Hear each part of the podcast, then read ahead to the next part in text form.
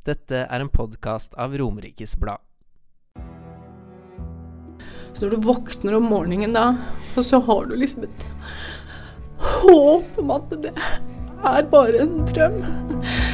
Men det er fortsatt et mareritt som vi står i hver eneste dag, og vi, vi kommer ikke ut av det.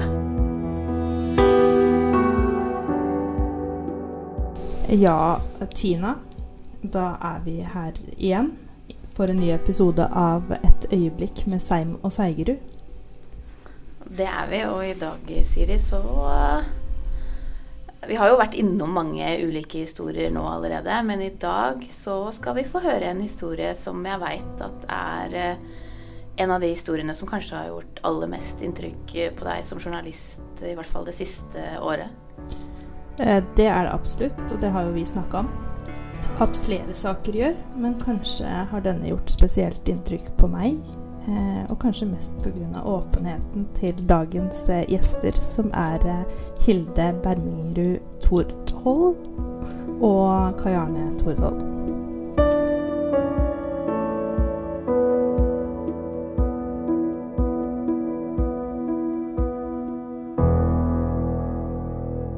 Velkommen til oss begge to. Hjertelig. Takk skal du ha. Eh, og historien deres starter jo i fjor. Eh, fordi da får dere en brutal beskjed om at eh, en av deres to sønner, Thomas, har tatt livet sitt. Kan dere si hvordan det var den dagen? Ja, det er en sånn brutal opplevelse hvor, du, hvor vi egentlig hadde en, eh, ja, en drømmehelg. Vi var sammen med gode venner. Vi var eh, åtte, vi var ni stykker på golftur i Kragerø med golfkurs og spilte golf og god mat og koste oss sammen med gode venner. Eh, søndag så har jeg spist frokost. Eh, Idet Hilde kommer ned til frokost, så ringer det fra et ukjent nummer. Eh, da er det politiet på fra Øst politidistrikt da, som har funnet eh, en sekk og en mobiltelefon som tilhører Thomas. Da telefonen kom, så tenkte jeg først på den eldste vår, Markus, for at han er innimellom ute og kjører om natta og, osv. Men at det var Thomas, det var liksom sånn, vi tenkte bare ulykke med en gang. Men um, idet vi er på vei da, vi får blir kjørt hjem av venninna Hilde, så gikk det opp for oss ganske kort tid at dette må ha vært eh, noe han ville. Altså noe han hadde gjort sjøl. Så får vi jo egentlig bekrefta det på vei eh, hjem igjen. Og allerede i bilen på vei fra Kragerø til Jessheim så bestemmer vi oss for at eh, vi skal være åpne. Så jeg har sendt eh, jeg, sendte melding til eh, kompisene mine, det er liksom nabolagskompiser, eh, før vi var kommet hjem. Fordi vi regna med at ryktene begynte å gå. Det, det gjorde de.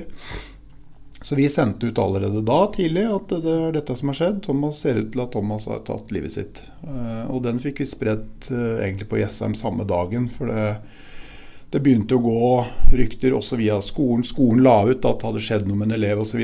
Vi snakka med rektor og sa også der at vi ville at det skal være åpenhet om det. Hvis ikke dere har noen faglige begrunnelser eller noen gode grunner for at dette ikke skal omtales som et selvmord, så vil vi at det skal, skal komme fram. Da. Eh, Så sånn begynte den dagen. Og mm, Så la jo jeg ut en, eh, en ganske lang melding på Facebook hvor jeg redegjorde for egentlig hva som hadde skjedd, og det var da i eh, samråd med kriseteamet. Og det var da vi åpna også for kirken på, på kvelden da den søndagen. Mm. Eh, og da følte vi at vi hadde kontroll på hva som gikk ut av informasjon, istedenfor at det skulle bli ryktespredning.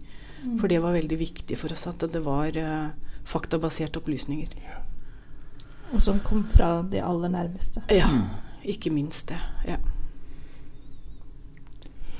Så det var den dagen. Og så var det Det er vel riktig å si at da var det tåke veldig lenge.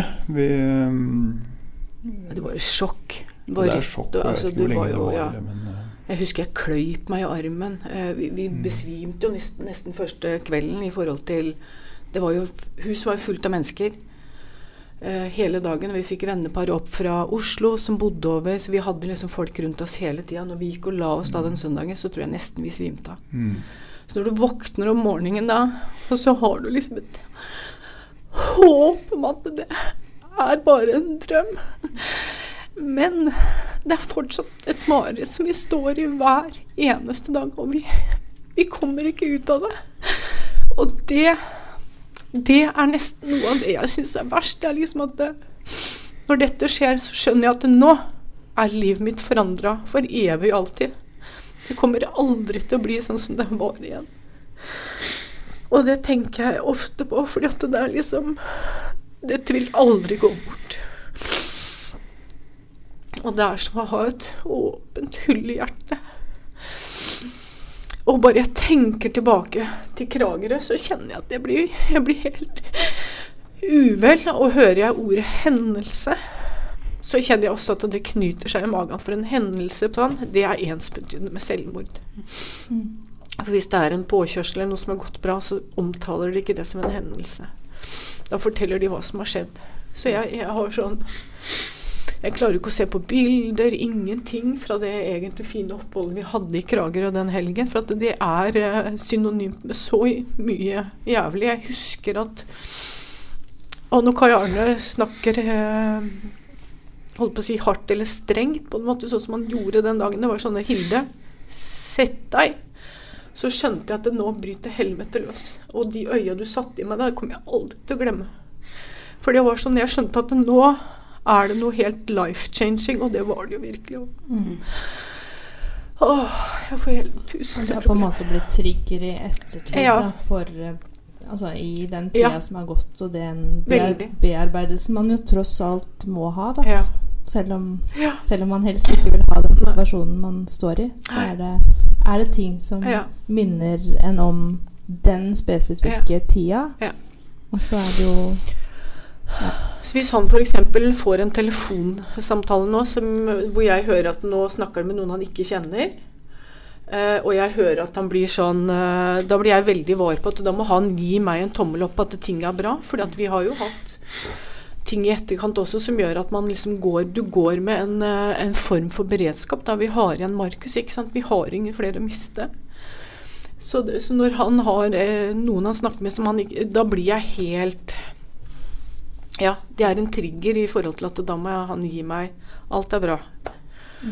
Hvis ikke så tror jeg at nå er det noe nytt som er på gang. Men det var jo sånn, eh, særlig i begynnelsen, å begynne å gå seg til litt, da, for at jeg har en jobb hvor jeg innimellom, eller ofte får telefoner fra ukjente numre, liksom. Men det var i lang tid etter det der, så var det bare Det var helt uh, Jeg nesten var i kjelleren hvis det, hvis det var telefon fra et ukjent nummer.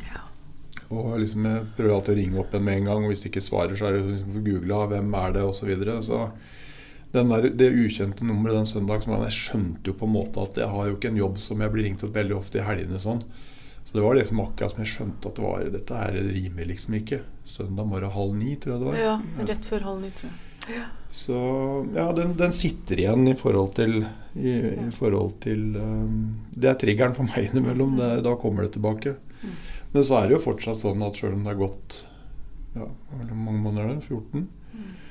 Så, um, så er det jo fortsatt sånn at jeg kan stå om morgenen og f.eks. sette på kaffen og si liksom sånn Ja, faen, han er borte. Mm. Det er helt utrolig. Var det noe Dere sier det jo, det er jo selvfølgelig et helt forferdelig sjokk. Det var ingenting i forkant av den dagen som Nei. tyda på at eh, det Ingenting. Det er ingen i hele verden som har merka noe på Thomas. Ikke eh, kamerater, ingen klassekamerater, ikke vi foreldre, ikke arbeidsplassen, ikke bestevennen. Ingen. Thomas har vært gladgutt helt til det siste. Og han var jo på jobb Biltema den lørdagen før. Mm. Han gjør dette tidlig på søndag morgen, og han var på jobb på Biltema og var akkurat like blid og service-minda som han alltid er. Det, er jo, det skjer vel omtrent ti timer etter at han går av bak, for han hadde jo kassaoppgjøret på Biltema den lørdagen. Og så var det en kollega som kjørte bort på Jessheim, så tok han bussen hjem natt til Sand. Um, og jeg har jo nærmeste naboen, kompis, var innom den lørdagen, liksom. Det er Thomas som vanlig, liksom. Smiler og ler. Hils hjem, og Arnstein og ja.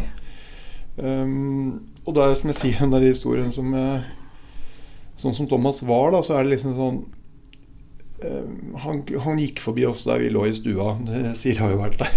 Og den sofaen der, sånn, Hilde hadde sin plass, jeg hadde min plass da. Og hver gang Thomas gikk forbi der, så klarte ikke han å la være å komme med en kommentar. Ikke sant? Det var sånn som han var. Uh, og det var jo samme det var uka altså den uka det det skjedde. uka, ja. Så går han jo liksom forbi, og, husker jeg liksom, og så er han nede og Thomas var jo 18 år, liksom, men han var ikke redd for å liksom gi en nuss og en klem. Og, og det gjorde du liksom sånn på den, ja, når han gikk og la seg på kvelda som nå. Men da går han forbi mora si i hvert fall en kveld, og så sier han liksom eh, 'Å, du er pen du, mamma.' Og så ser han liksom på meg, og så 'Du, pappa, du er klar over at hun er altfor pen ung for deg'. Og det er liksom sånne kommentarer som han hele tida fikk, ikke sant. Så han klarte jo ikke å vi klarte nesten ikke å ha en prat, en liten prat heller med Thomas uten at det var liksom sånn smil og, og latter. Da, for at han var Han var liksom sånn veldig sånn varm og snill.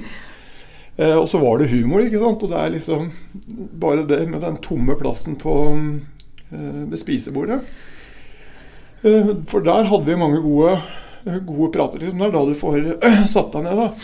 Og hvor ofte det tok helt fullstendig av der. ikke sant? Med, kunne være jeg som begynte med en morsom kommentar, og Thomas fulgte opp. ikke sant? Og Markus og Hilde satt og flira. Så det var ofte sånn, sånn det var. da. Som regel gikk det utover meg, da. Ja, det var veldig ofte så gikk det utover Hilde. Det var liksom sånn det er sånn det er. Ja, sånn er det morsomme gutter. Men det var det som var um, Når det blir så brått slutt sånn, for det er jo mange som har opplevd lignende ting som det vi har opplevd, da, så er det kanskje en eller annen forhistorie eller eh, et lite varsku, eller du, du sitter igjen eh, kanskje med liksom sånn Ja, han var jo ikke bra, jeg burde ha sett signalene. Kanskje noen sitter igjen med dårlig samvittighet. Det er fordelen vår at vi har ikke dårlig samvittighet, for det var, det var ikke et tegn. Eh, Men samtidig så er det også sånn at det blir så forferdelig tomt. da, Fordi det liksom gikk fra full glede, fyr og så liksom Jeg pleier å si noen ganger at jeg følte liksom at jeg var så lykkelig. Altså alt var på stell. To fine gutter som klarte seg veldig bra, både sosialt og på skolen. Hilde har gode jobber vi trives i, vi har ryddig økonomi. Vi har vært glad i å reise, masse sånne fellesting. Så alt var så utrolig bra, og så smeller det bare. Og så er det den der erkjennelsen nå at det, som jeg har begynt å tenke på mer nå i sommer, kanskje, faktisk, etter at det har gått et år. Det er liksom sånn Aldri sånn Samme hvor glad jeg er nå, samme hvor morsomt det er ting jeg opplever sammen med andre. Det kan være reiser, gutteturer, det kan være kommentarer, bare hyggelige kvelder, whatever, liksom. Så er du aldri ordentlig glad, liksom. Og det skal jeg aldri bli igjen. Og det, det er litt vondt, for at, eh, vi var mye glade. Det var liksom det er aldri krangling, det er aldri noe tull. Liksom, gutta er godt med. Så det, det har bare vært helt perfekt. Og så smeller det så jævlig, og da, da er det sånn som jeg har tenkt, at det er um, Jeg har liksom ikke klart å skille på selvmordet til Thomas i forhold til uh, en sykdom. En annen, en fysisk sykdom, da. Det å dø av kreft eller et eller annet sånt noe. Fordi det er et eller annet bare som skjer oppi hodet som vi ikke klarer å forklare. Jeg gidder ikke å prøve å forklare det. Det var bare at han var sjuk, om Thomas døde av kreft eller i dette tilfellet her da et selvmord. Jeg har ikke klart å skille Jeg, jeg klarer ikke å skille på det. Fordi, fordi det er ikke liksom sånn um, Det er ikke en villet handling, det er bare noe som ramma oss. Thomas var glad i oss, han var glad i broren sin, han, var, han hadde masse gode venner. Uh, det er bare noe som klikker. Og um, hvordan det oppstår i, i hodet på Thomas den natta ehm, Det er Det må jo være et lag mørke eller noe som kommer og tar deg, i forhold til at du ikke ser noe annen utvei. At det var det beste han kunne gjøre for alle. Uh, Thomas har jo ikke gått rundt og vært lei seg eller deprimert eller noe som helst. Han har jo vært uh, gladgutt hele veien. Han. Og det finner i hvert fall vi trøst i, at han ikke har vært plaga. Mm. Men at uh, ja, noe har kommet over han, og mørket har rett og slett tatt. Trenger du noen å snakke med? Da kan du ringe Mental Helses hjelpetelefon på telefonnummer 116 123 eller alarmtelefonen for barn og unge på 116 111 eller Kirkens SOS-telefon på telefonnummer 22 40 00 40.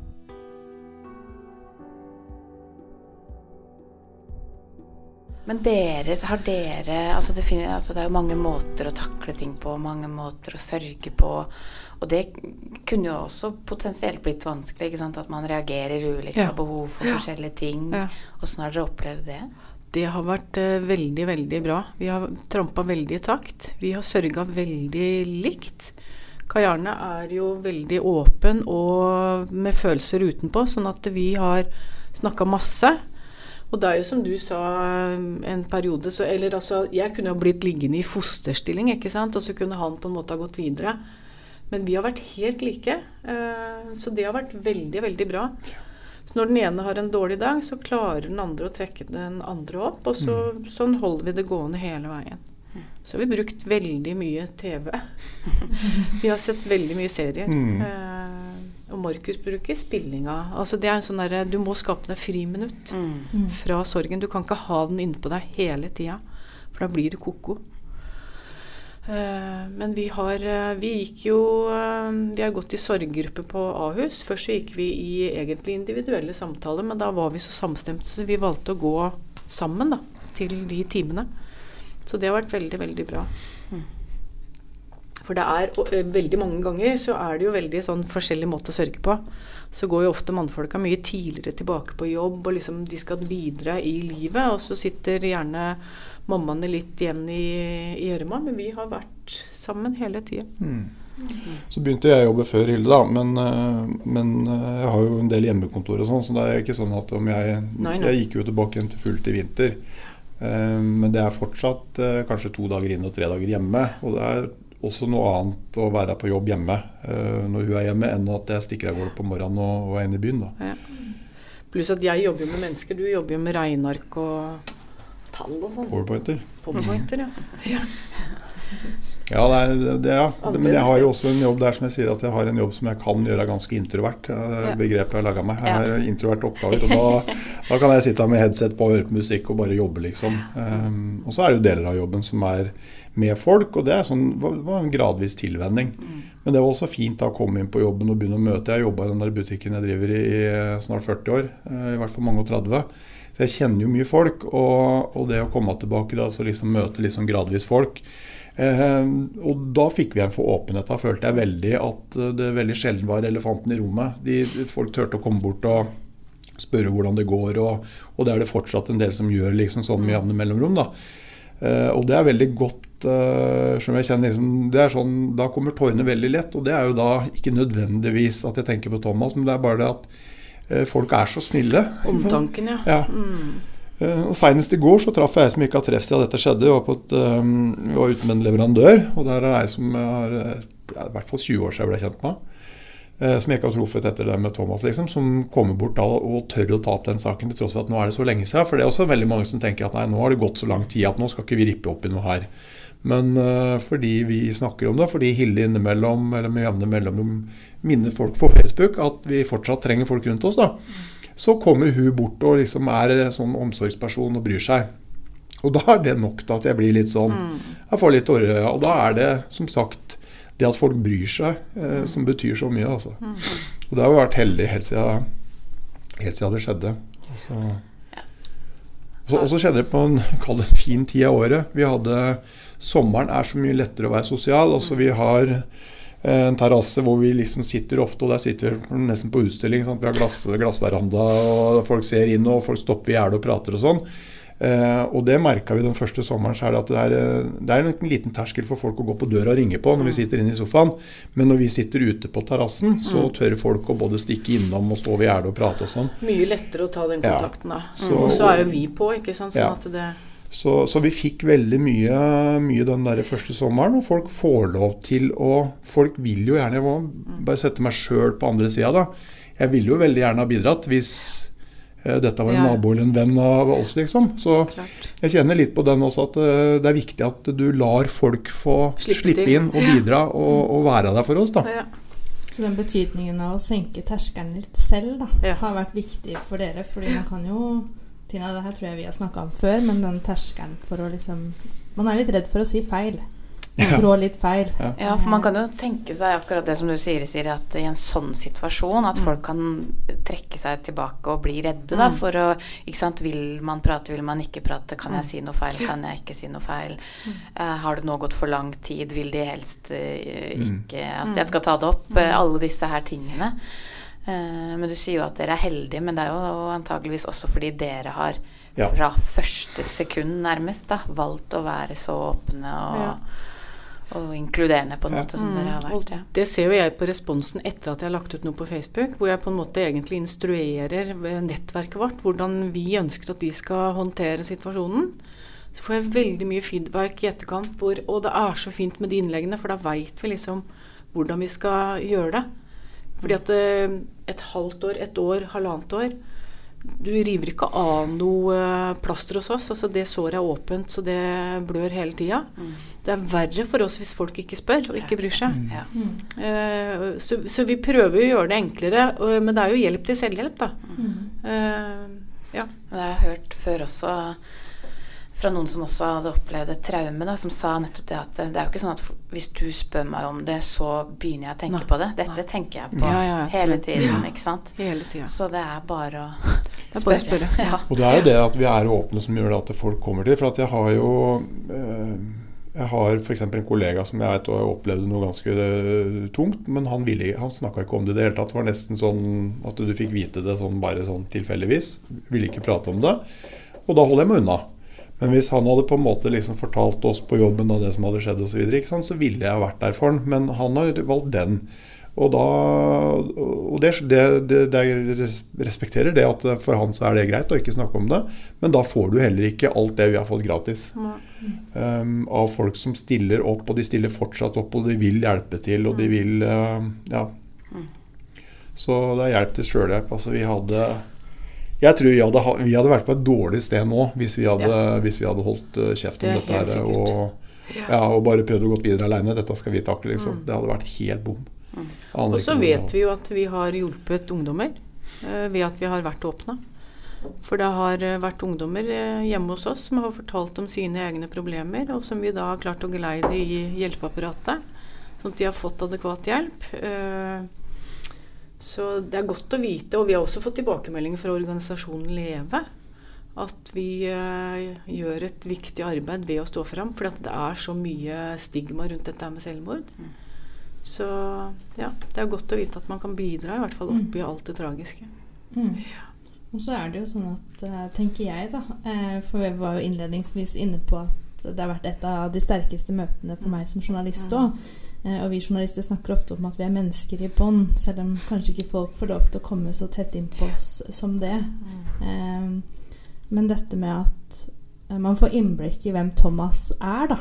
Mer enn kanskje bare et tall. Fordi i Norge så er det jo et høyt eh, tall, eller en høy selvmordsrate, og hvor flest er menn. Eh, I fjor var det 610 Ja. mennesker som tok livet sitt. Eh, 400 og noe tok, var menn, eller gutter. Mm. mens 174 var kvinner. Eh, og det snakkes kanskje ikke godt nok om, men ved at dere da bl.a. gir oss lov til å bli med inn i hvem personen bak tallet er, Mm. eller det ene tallet er, gjør jo at eh, at man blir mer bevisst, da, kanskje. Ja. Og det er jo det som også er viktig å prøve å få, har vært for oss, da, å få fram hvem var Thomas. Thomas var jo en særdeles populær gutt ikke sant, som alle så opp til. Jeg har til dags dato ikke hørt noen si noe stygt om Thomas. Han var eh, godheta sjøl, og han var veldig sånn populær, og han eh, på, altså Han tok ikke noe plass på bekostning av andre mennesker. Han var bare liksom tvers igjennom god og snill. Og så skjer dette. Og det er jo også med på å vise at det, her kan det skje ting uten at man aner noe som helst. Så det å sette mental helse på dagsorden, det er jo utrolig viktig. Så Det er jo den, den man var som gjør at det er veldig lett å stå fram. For at han er, vi visste at det ikke kom til å dukke opp noe sånn grums i, i etterkant også. Um, det, det kunne jo vært liksom at han var en upopulær fyr som både drev med det ene og det andre. ikke sant? Hvor folk rundt oss begynte ja, ja, han, uh, ja, der var var det godt han var borte. ja, godt han var borte. Eller altså sånn, uh, han var jo på kanten. Sånn var det ikke med Thomas. Det er det som har gjort det veldig enkelt også å stå fram. Fordi at vi, det, det, liksom, det dukker ikke opp noe negativt om han. Og ikke bare at det ikke dukker opp noe negativt, men det var som regel sånn masse ungdom som bare er kjekk og fin ungdom, liksom. Som ikke har noe gærent å si om. Men Thomas var i tillegg sånn Ikke bare at de ikke hadde noe gærent å si men det var som regel noe positivt. Altså De fleste huska han for et eller annet, liksom. Og det er jo den der, eh, sånn som ungdommer kan være. ikke sant? Du går der med hettegenseren over huet og capsen langt ned i øya, og så går de og subber og og har hodetelefoner på seg. Så Thomas var liksom sånn, møtte folk som var liksom sånn av med hodetelefoner, hilser, nikker, spør, prater, liksom. Eh, og bestemora til en kompis av han, eh, som han kjenner veldig godt, han har vært ute og inn av huset der i alle år. Han traff henne på butikken. Hun, eh, hun eh, er jo da i slutten av 60-åra. Eh, hvor Thomas liksom da på butikken da bare stopper opp, tar av seg hodetelefonen og sier sånn Så fin du er i dag, lille gull! sier han også sånn. Og hun, hun forteller jo den historien da i etterkant. liksom. Og der sto jeg, han der 18-åringen liksom står og skryter av meg, og jeg følte meg som verdens flotteste. ikke sant? Sånn var Thomas, Ja, liksom. ja, en raus person. Ja. Veldig raus. Og så tok hun hånd om de som var utenfor. De via han tid. Han satt og spiste lunsj med folk som kanskje falt litt utenfor. Han passa liksom på at alle ble med. Så han var, eh, han var unik. På Altså. barneskolen så hadde de jo det som heter trivselsleder siste åra på barneskolen. Uh, og da var det noe som eh, elevene valgte sjøl. Det var trivselslederens jobb. Det var å passe på at alle hadde noen å leke med i friminuttene og hadde det ålreit. En, en fin skolehverdag. da. Og Thomas ble jo valgt til det alle gangene unntatt én gang, for da sa læreren at nå må vi velge noen annen. Ellers var Thomas liksom valgt hver gang.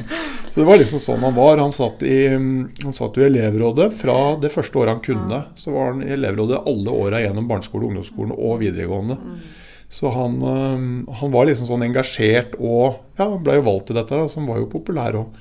Så det var, øh, det, det var liksom sånn der kjempesjokk at det vi kanskje tror da, at han følte at han ikke hadde noen ordentlig bestevenn. Han følte liksom ikke at han var veldig viktig for noen. da. Um, helt merkelig for oss, fordi at de var en gjeng som, som var veldig mye sammen. Det var liksom sånn femmerbande som uh, samles og overnatta hos hverandre når vi var borte. Senest i påsken så, så var de med to dager der. Da hadde de hele huset, og de bare liksom, da er det datamaskiner overalt, og så sitter de og gamer, og det er døgn rundt. Og det er kun Pepsi Max og pizza og godteri, liksom. Eh, og disse var jo samla og hadde liksom dette. Kompiser som har vært sammen i, i mange år. og Så han hadde jo også det jeg kaller nære venner, i tillegg til at han var veldig godt likt og godt kjent både på ja, fotballen, skolen, overalt, liksom. Men han følte jo ikke det. Og det er Rasjonelt og, og objektivt sett ikke sant, så hadde han alt, men, men han følte ikke det. Det er det som gjør det litt sånn Det er jo på en måte alle foreldres verste mareritt. Og jeg har jo barn sjøl. Og det der å man, Eller man tenker jo kanskje at man skal se noen tegn, da, eller at det skal være noe som kan forklare det på noe vis. Men her kommer det liksom så Mm. ut av det blå, og det er jo på en måte litt skummelt òg, eller sånn. Veldig. Ja. Ja. Vi trodde først det var en misforståelse, at det måtte ha blanda. At det, det kunne jo ikke være Thomas. Altså, det var helt, helt utenkelig. Så vi skulle bare egentlig hjem vi da, med en gang og så bare rydde opp i den Dette her kan jo ikke stemme. Feil. Mm. Men det var jo ikke det. Men det er som du sier, det er veldig skummelt at det ikke er noen tegn. liksom, for at det er, Hva skal du se etter da? Er det liksom sånn at nei, vet du hva, nå er alt så bra her at nå må vi være Nå litt må være eh, noe Ja, nå er det noe gærent, liksom. Ja. Eh, og det er jo mange som Det vet vi jo at uh, det er veldig mange som har hatt noen ekstra pratere som følger ekstra godt med rundt unga, eh, nettopp fordi dette var så skummelt. Hadde det vært liksom sånn jo, han sleit, eller der har det vært noe hele tida, liksom, så hadde folk på en måte sånn Men sånn er det jo ikke hjemme hos meg. Så, så jeg, hos meg så er det er alt i orden. Men nettopp det der at, eh, at det var liksom Thomas da, som var sånn som han var, du har fått litt sånn varsko på folk, altså. Satt støkk i folk. Ja, det er mange som har hatt liksom sånn Jeg tror jeg prøver å følge med litt bedre nå om unga faktisk har det greit og, og, og har et ålreit- en ålreit hverdag, et ålreit liv. da. Ja, det, det er jo bra. Mm. Kan dere si litt om holdt på å si, hvordan det siste året eller 14 månedene har vært? Du sa jo i stad at eh, du tenker innimellom at, man, at du aldri skal bli ordentlig glad igjen, liksom. Men har, er dere på et annet sted i dag, tross alt, på en måte, enn for eh, 14 måneder siden? Ja, det må vi jo si ja til. Det er jo, det er jo litt lengre mellom de, eh, de helt håpløse morgenene hvor du bare står opp og egentlig har lyst til å gå og legge deg når du begynner å grine med en gang. Det må jeg si. At det er lenger imellom. Eh, Men den, den følelsen eller den vissheten om at jeg aldri kommer til å bli sånn helt ubegrensa ubetinga glad, det veit jeg. Det blir jeg aldri igjen. Eh, Men du, du har greit, vi har jo et greit liv på veldig mange måter. Vi har eh, Eh, Gudskjelov så har vi hverandre. Vi har jo sett folk i, som skal gjennom dette her, som står aleine. Det er folk som går så lite i takt at eh, Det er sånne ting som gjør at et ekteskap ryker. Eh, så vi har hverandre, og så har vi mye gode venner. Vi har de vennene vi har hatt hele tida. Og så har det kommet til en del nye som vi har eh, Gjerne fordi de har litt lignende opplevelser, eller det bare er at de har eh, liksom de, de plutselig var der og så stilte opp. Så, så, vi har kommet veldig godt gjennom det på den måten der. Um, og det er jo sånn at uh, vi har en ålreit hverdag, det må jeg si. Og det er jo latter, og vi koser oss, og vi, vi tør å ha det bra. Det har vi gjort fra dag én av, liksom. Um, og så er det sånn at det første året var litt prega, som Hilde sa, av um, Kanskje litt redd for, for Markus, da, som gjorde at vi ikke turte å slippe oss helt fri. Vi liksom blant annet, jeg er veldig glad, glad i å reise, men vi turte ikke å bestille noen reiser, så vi hadde liksom ikke noe å se fram til heller. Det vi, nå har vi gjort det. Så nå er det liksom litt sånne ting som ja, vi begynner å fungere bedre igjen, da, syns jeg. Ja, da er jeg enig i det. Det går jo bedre, men samtidig så blir det enda mer sånn tydelig hva du går glipp av også for fremtiden. ikke sant? Du har hele tida triggere i forhold til sånn som f.eks. i skoleavslutning. da når det var russetid og alt dette greiene her, så får du hele veien bekrefta hva, hva, du har mista. Eh, mm. Også for fremtiden, på ting som skulle skje framover i tid. Mm. Eh, og det syns jeg er veldig vondt å tenke på. Ja, alle de triggerne man kanskje ikke tenker på. Ja. Fordi det er ofte vanlig å snakke om den første jula, ja. den første bursdagen, ja. eh, familieturen. Mm. Eh, og sånn, men så er det i tillegg alle disse livsfasemarkeringene. Ja. Altså russetid, ja. uh, universitet, familie. Altså de, de tingene som skulle komme. Førerkortet, militæret, alle disse tingene. Ja, sant, Facebook er jo stappfull av alle. Ikke sant? Nå er ferdig med skolegang, bla, bla, bla, stolt av deg. Nå går de videre på studier. Noen drar i militæret. Noen har fått seg jobber. Eh, førerkort dukker jo opp hele tida. Det var liksom det året i fjor da, hvor uh, hans alderskull fikk det. Så det er klart at det er jo da fullt av av folk som har det de skal ha, for å si det sånn. Mm. Så det er klart, vi ser jo det vi har mista. Mm. Men, men, og det er der. Men det er det jeg mener, liksom sånn hverdagen så er det jo sånn at vi, vi står jo ikke opp hver dag og griner. Det, det, gjorde vi jo mm. i, i, fjor. Så hverdagen er jo på en måte til å, til å leve med nå. Og så vil det bare alltid være der. Uh, ja, det som heldigvis de aller fleste slipper, da. Savn og savnet både etter eh, liksom, minnet etter Thomas, men også savnet etter det vi ikke får oppleve. Og det veksler veldig mellom hva som er verst, faktisk. Usikker. Når savner dere Thomas mest? Er det rundt kjøkkenbordet, spisebordet?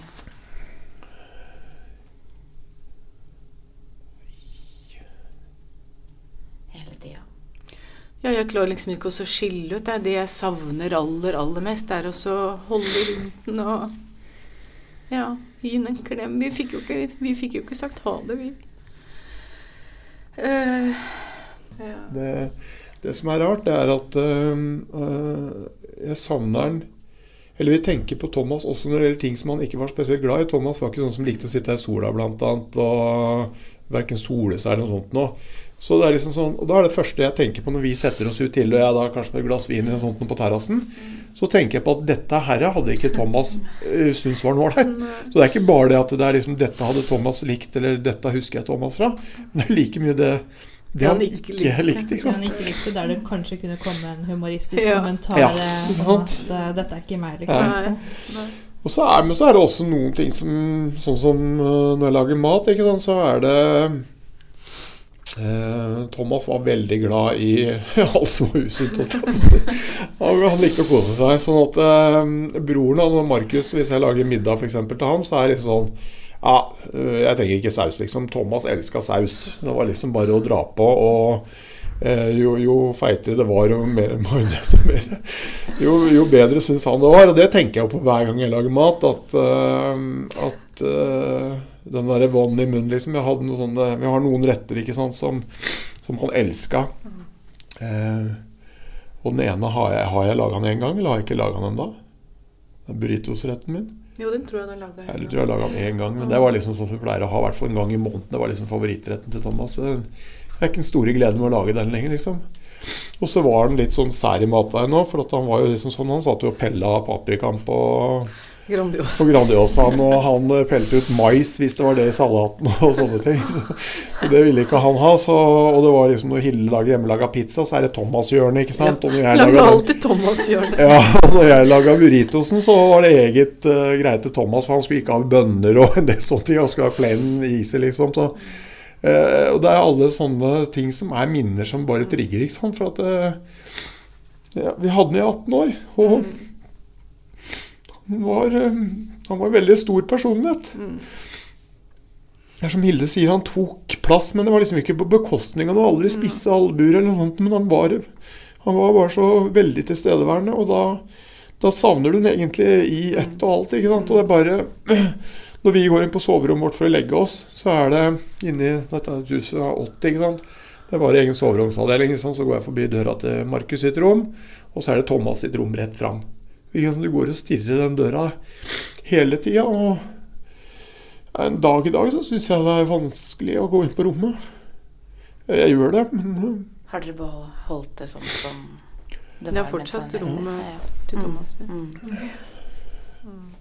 Og det, det, altså, vi, vi har brukt det, altså, sånn at det, det er ikke noe sånn mausoleum. Nei, nei. Eh, men vi, vi har ikke pussa det opp eller noe sånt. Og en del av tingene står jo fortsatt i hyllene og på pultet og sånn. Ja. Men, eh, men vi bruker rommet. Mm. Uh, men det er uh, ikke sant, 18 år, det er lang tid, altså. Det høres ut som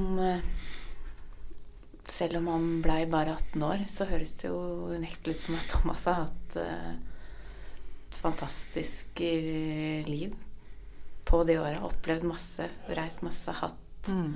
Ja. Det har han. mm. Han har hatt det bra. Mm. Ja. Og ikke minst gjort eh, stort inntrykk Veldig. på alle rundt den. Ikke Ja. minst mamma og pappa, Ja. broren Markus, Ja. men også et helt ja. lokalsamfunn. ja, det er Mm. helt riktig.